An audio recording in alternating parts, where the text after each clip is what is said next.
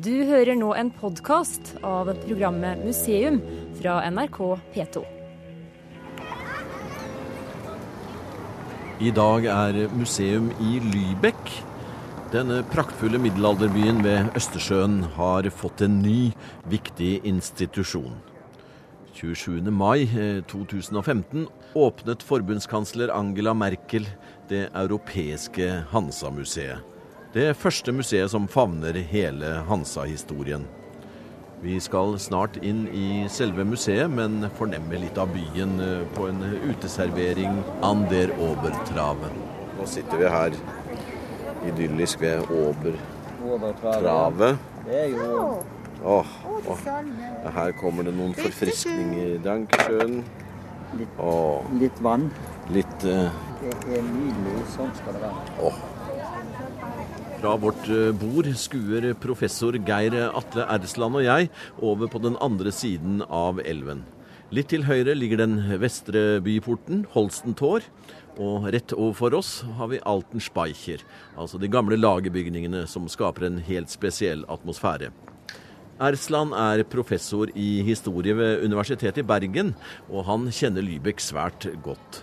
Gjennom mange år har han forsket i Lybecks arkiver, faktisk for å lære mer om Bergen. I en periode var middelalderhistorikeren også med i en rådgivende komité for det nye museet vi skal besøke. Det var godt. Ja, nå fikk vi da en øl, bare for å si det rett ut, her vi, her vi sitter ute på et av de vakreste områdene i Lybekk. Men du, eh, Hansa, eller Hansetiden, hva, hva er det? Ja, dette er jo et stort spørsmål i norsk historie og europeisk historie. Hanseater, det begrepet hadde diskutert opprinnelsen til. Antageligvis betyr det reisende kjøpmenn. Og det er fra tidlig middelalder, da kjøpmennene reiste sammen eh, med varene sine for å søke Rett og slett fordi det var utrygge tider. De måtte holde sammen for å eh, når de reiste fra marked til marked, fra by til by med varene sine. Men etter hvert så ble eh, Hansa en, betegnelse på disse kjøpmennene som hadde fast tilhold i disse nordtyske byene som vi kaller eh, Hansa-byer, slik som Lübeck var den fremste for. Og da var det ikke lenger slik at de reiste, men de hadde sine representanter som holdt til og drev handelen på deres vegne, f.eks. i Bergen. Ja. Så det vi kaller for bergenfarere, f.eks., det var da hansiatiske kjøpmenn som holdt til her i Lübeck, eller i Bremen eller Hamburg eller andre Hansa-byer, men som hadde sine representanter i Bergen. Og disse kjøpmennene de ble etter hvert mektige. De fikk monopol i stor grad på denne handelen, og den måtte de beskytte. Særlig mot eh, nordiske konger og fyrster som ville ha sin skjerv i dette her, og som òg var skeptisk til at eh, det som ble definert som utenlandske menn, eh, overtok handelen i deres egne kongedømmer. Eh, og dette førte jo til politiske gnisninger og til krigføring. Og når vi kommer ut på 1300-tallet, så samler disse byene seg til et hansiatisk byforbund, eller Hanseforbundet, eh, som vi kjenner. Og senere, og det er det som er Hansaen, slik som vi eh, definerer den i, i historisk sammenheng. Et forbund av bystater i Nord-Tyskland som er i stand til å inngå allianser og forhandler felles med, med konger og fyrster, og òg sette i gang tiltak som blokade, handelsblokade og direkte krigføring for å få gjennom eh, sine det som de mener er deres rettigheter til å drive handel utenlands. Og dette, på denne måten klarer de òg å dominere hele det som vi kaller for det nord, nordiske rommet. Altså alt fra Østersjøen mot England og videre østover helt til Baltikum og inn i Russland. På sørsida av Østersjøen og ikke minst i Norden. Så dette er hanseatenes rom. Og i det rommet er det da Lübeck befester sin posisjon som den viktigste byen. Som, som eh, hanseatenes dronning blant byer. Den eh, lille pusten i bakken er over, og vi skal nå gå mot det nye museet. Langs eh, travet, som skifter navn fra Ander Obertravet til Ander Untertravet idet vi passerer Holstentår, byporten mot vest. Det eneste Hansa-museet til nå er faktisk Hanseatisk museum på Bryggen i Bergen. Men nå er det altså bygget et samlende museum over Hansa-tiden. Det har kostet nesten en halv milliard kroner, finansiert av EU, Bondeslandet og Posselstiftelsen i Libek. Penger donert av den lypske handelsmannen Emil Possel. Nå er vi framme i den elegante murstensbygningen og kommer oss inn i kafeteriaen og mot informasjonsskranken. Jan Ilebekk. Jan Ilebekk. Ja, norwegische Rundfunk. Norwegische Rundfunk, ja. Ja, ja, ja. Maino Hauschilt, som arbeider i museets informasjonsstab, eh, tar oss med ned i en glassheis. Og vi synker ned i terrenget og rett inn i et utgravningsområde. Her eh, er det avdekka rester av middelalder og for så vidt også moderne armering fra en bunkers som ble bygget her under krigen. Ja, nå går vi inn og rett inn i faktisk i, i et nesten arkeologisk miljø.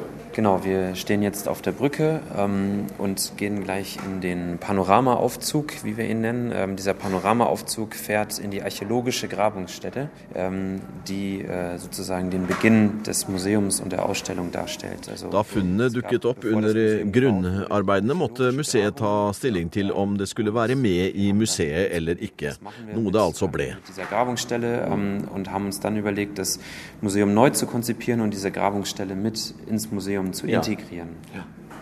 Tomta den er bygd på, er jo det gamle klosterområdet. Ja. Eh, det var et kloster her. Og eh, de ruinene en oppdaga når en gravde i grunnen, kommer jo i, stammer jo fra den mm. tida, altså fra middelalderen.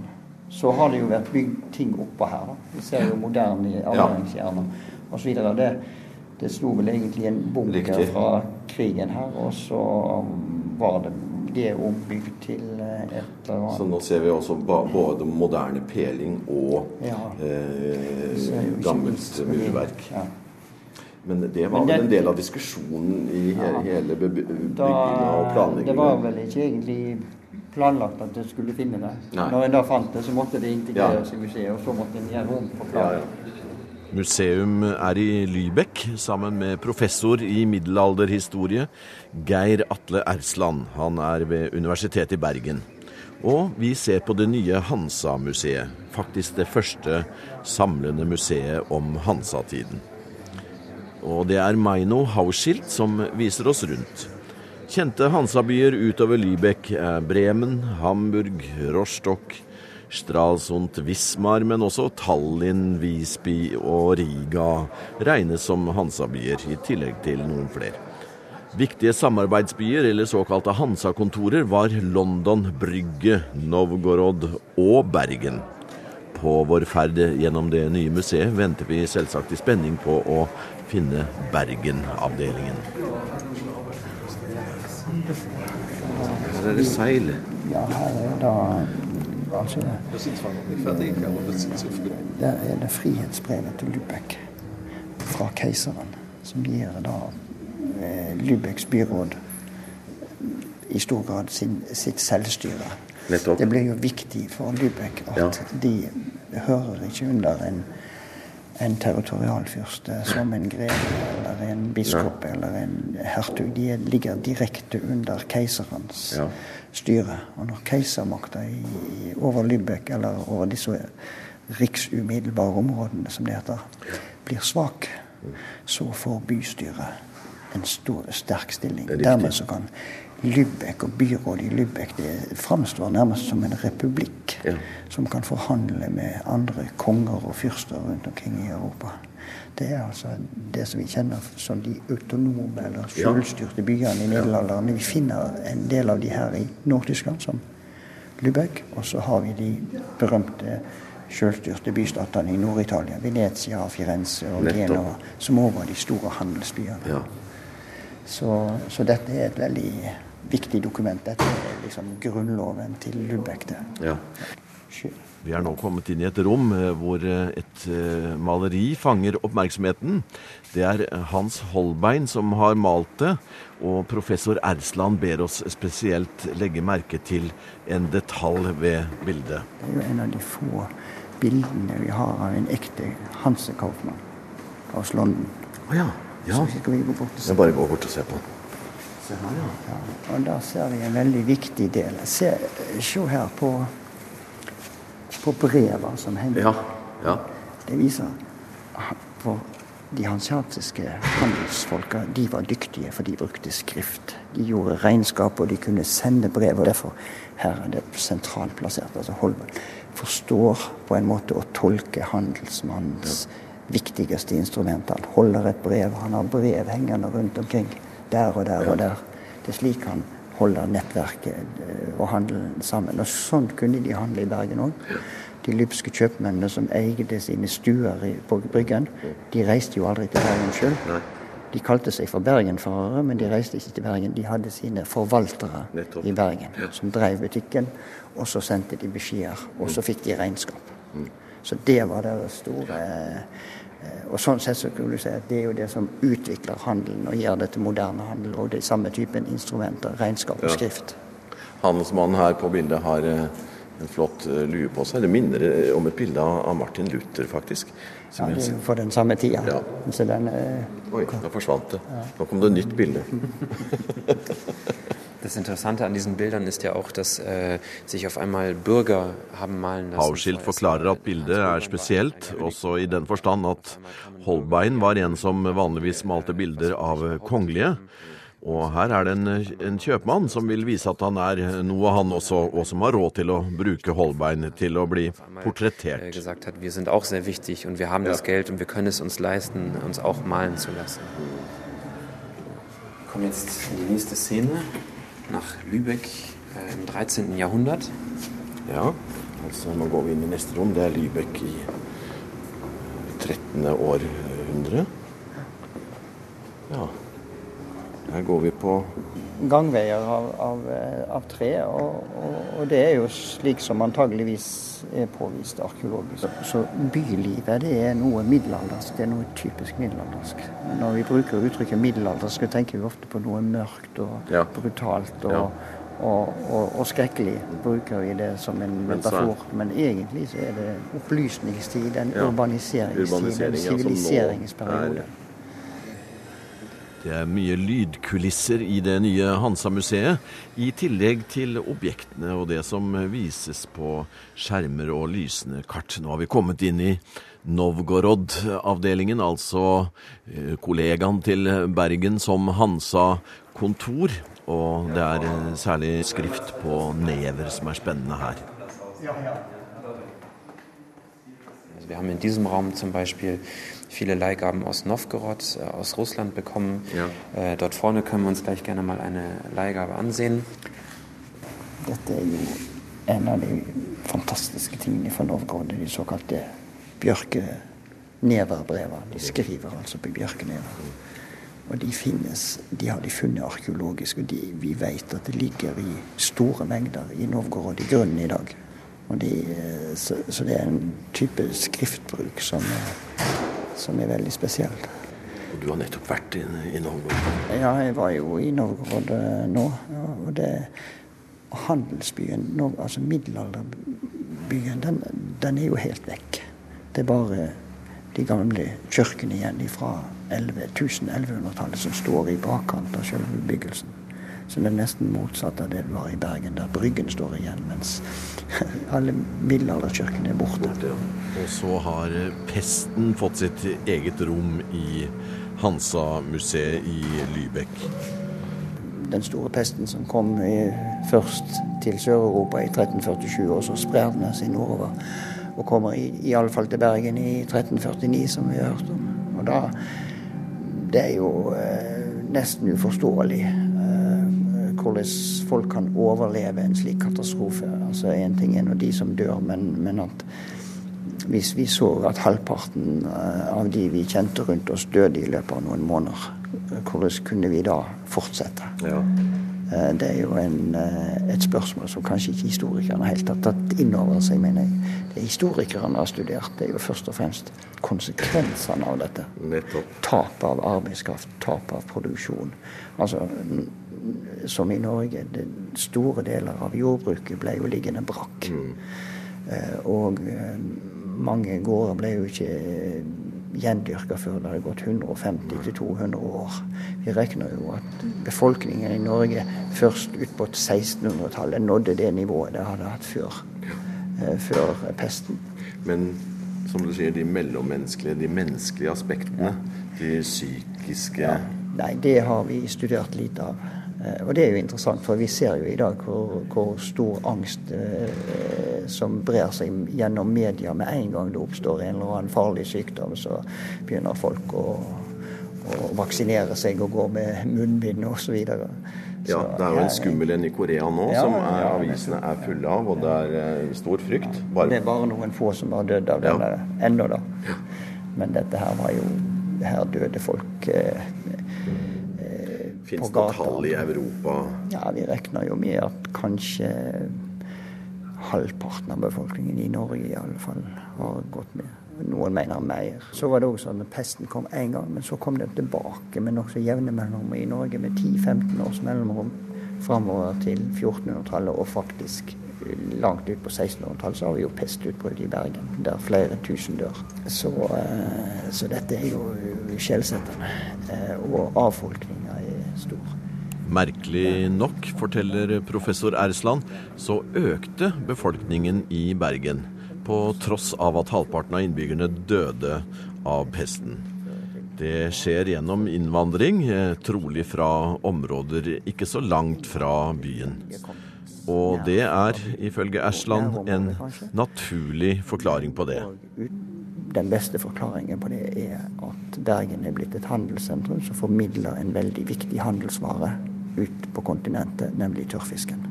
Det tiltrekker eh, kjøpmenn.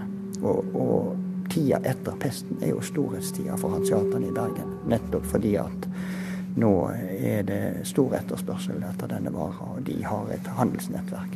Så da vokser Bergen. Men det ser jo òg ut som om befolkninga i Nord-Norge vokser i denne perioden. Rett og slett pga.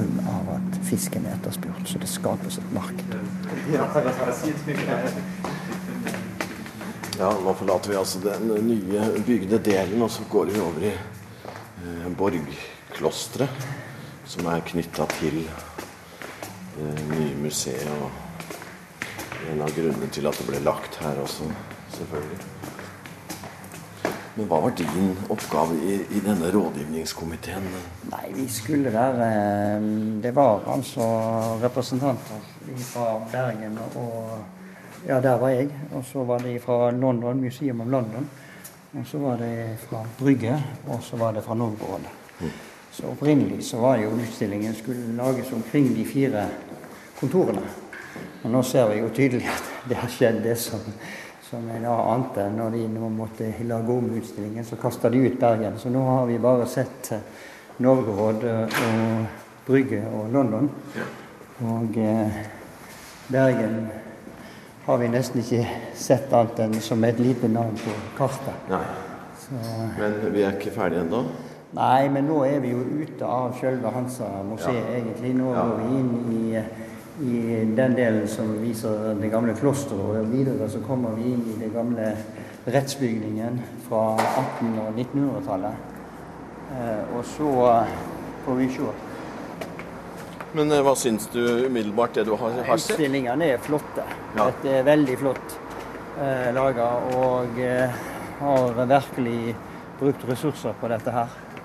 Men det er klart at det, det et museum og en utstilling er jo òg en, en, tolkning av eh, historie. Ja. Og eh, uten at det så, så, så, det blir jo en Det er jo som en eh, å, å, å, filmatisere en bok. ikke sant? En må lage ja. et manuskript, og det må tilpasses en story som en vil fortelle. Nettopp. Så det, det er jo det vi har, uh, har sett nå, da. Ja. Ja, da kom vi til Bergen. Ja. Schön. Ja. endelig. ja. Nach Bergen gekommen. Ja, men her er det solide treverk og Ja, Dette er jo kopiert av Bryggen og, Bryggegårdene. Ser, ser skjønt ut. Sehr viel Stockfisch. Stockfish. Så kom vi altså til Bergen. På en måte utenfor det nye museet, men samtidig som en helt inkorporert del av det. Det kan høres merkelig ut, men man må nesten reise dit for å, å oppleve det. Og det mangler ikke på tørrfisk i utstillingen. Ikke ekte vare, men gode kopier av bunter med tørrfisk. Ja, Men har du kjent eh, lukta av tørrfisk på gjell? Det, Ja, luk, det, og det lukter stinker vondt. vondt. haben Sie Stockfisch gegessen? Noch nicht, nein. Ich möchte ihn gerne mal probieren. Oder Lutefisch? Lutefisch habe ich schon, ja. Ah. ja. Und wie war es? Es war gut, es war lecker, doch. Ja? Ich mag sehr gerne Fisch und jede Ja? Form von Fisch. Von Ja. Daher, ja. Ja, ja. Aber Stockfisch habe ich noch nicht gegessen. Maino Hauschild eh, har smakt eh, lutefisk, og det likte han godt. Hamburgeren forteller at han er veldig glad i alle former for fisk. Kriege ich Hunger, es ist mittags. Ja.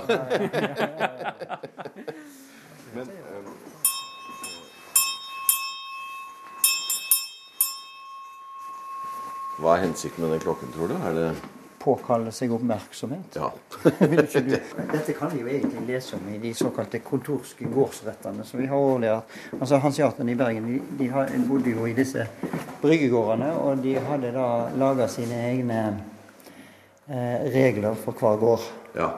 Altså, og, og, og så holdt de da en gang i året så holdt de da eh, eh, rett eller på, i den såkalte skjøttstuen. Og da måtte de stå til rettes, de som hadde forbrutt seg mot reglementet. Og da ble de dømt til å betale en halv tønn øl eller en, en, eller en kvart tønn, alt etter forbrytelsen. An dem Wochenende hatten wir Gruppen, Bands aus Zehlbrügge, aus Bergen. Es gibt äh, die wichtigen Stationen der Hansegeschichte, die in Novgorod, in Lübeck, in Brügge, in London und in Bergen spielen. Ja, das ist wichtig Genau. für uns. Es kommen viele Leute, viele Touristen Ja. aus Dr. Norwegen. Lisa Kaasok er direktør for det nye museet. Og hun synes Bergen-utstillingen er fremragende. Kåsok understreker at Bergenskontoret nærmest var en skole for unge hanseatiske handelsmenn, fordi tørrfisk var en enkel vare å handle med. Flere unge hanseatiske menn ble sendt til Bergen for å få sin første opplæring i handelskunsten, forteller hun. und, ähm, und deshalb sind viele junge Kaufleute nach Bergen geschickt worden. Aber wir uns Professor Geir Atle Ersland og jeg er tilbake ved vårt bord ved elven Overtravet og oppsummerer Hansa-tiden. For hvor lenge varte den? Du kan si i den store bildet så er, de, er de over middagshøyden når vi kommer inn på 1500-tallet. Da begynner dette å, å, å slå sprekker og falle ifra hverandre. De klarer ikke å hold, holde det samholdet lenger. De klarer heller ikke å motstå konger og fyrsters eh, makt. Altså, når vi kommer ut på 1500-tallet, så har eh, vi fått konsolidering av kongedømmen til det vi kan kalle for moderne stater. Ja. Slik vi kjenner Norge, Danmark, eh, Sverige, England, Frankrike osv. De er nå eh, så sterke at de, de klarer å overstyre interessene til et sånt byforbund. Og byene klarer heller ikke å, å, å holde sammen og forsvare sine rettigheter. Så dermed så er storhetstida til Hansaen forbi når vi kommer inn på 1500-tallet. Men det pussige er da at i Bergen holder de stand. Der holder kontoret stand helt til uh, ut på 1270-tallet. Nei, 1760-tallet. Ja. Da er det slutt. Da er den siste bergenfareren selger sin stue i Bergen. Og den siste handelsforvalteren i Bergen, han tar, kjøper denne stuen, og han eh, tar da borgerskap i Bergen. Som så mange andre hansiatiske handelsbestyrere har gjort tidligere, eh, i århundret før. Og nå er de blitt bergensborgere istedenfor. De reiser aldri tilbake igjen til Lübeck eller de andre byene de kom ifra. Så det er slutten på Hansan. Og Derfor så er jeg at eh, den siste hansiaten, han holdt egentlig til i Bergen eh, syns jeg det er rett å si. Så, så det er liksom Bergens store rolle, at det får, eh, får liksom eh, status som den siste utposten til det hansiatiske systemet. Og Derfor så blir òg Bergen minnet på en helt annen måte i dette her. Altså, I Lübeck så finnes det òg en idé om Bergen som hansiatenes by. og det er nok eh, en del av dette som gjør at i Thomas Manns eh, Bodenbruks eh, om denne handelsfamilien, så er det jo en linje tilbake til Bergen. og den Stamfaren forteller i sin familiekrønike om hvordan han som ung læregutt ramla på sjøen i Vågen i Bergen og ble berga av en, av en nordnorsk fiskeskipper, eller hva det nå var. Du har nå hørt en podkast av programmet Museum fra NRK P2.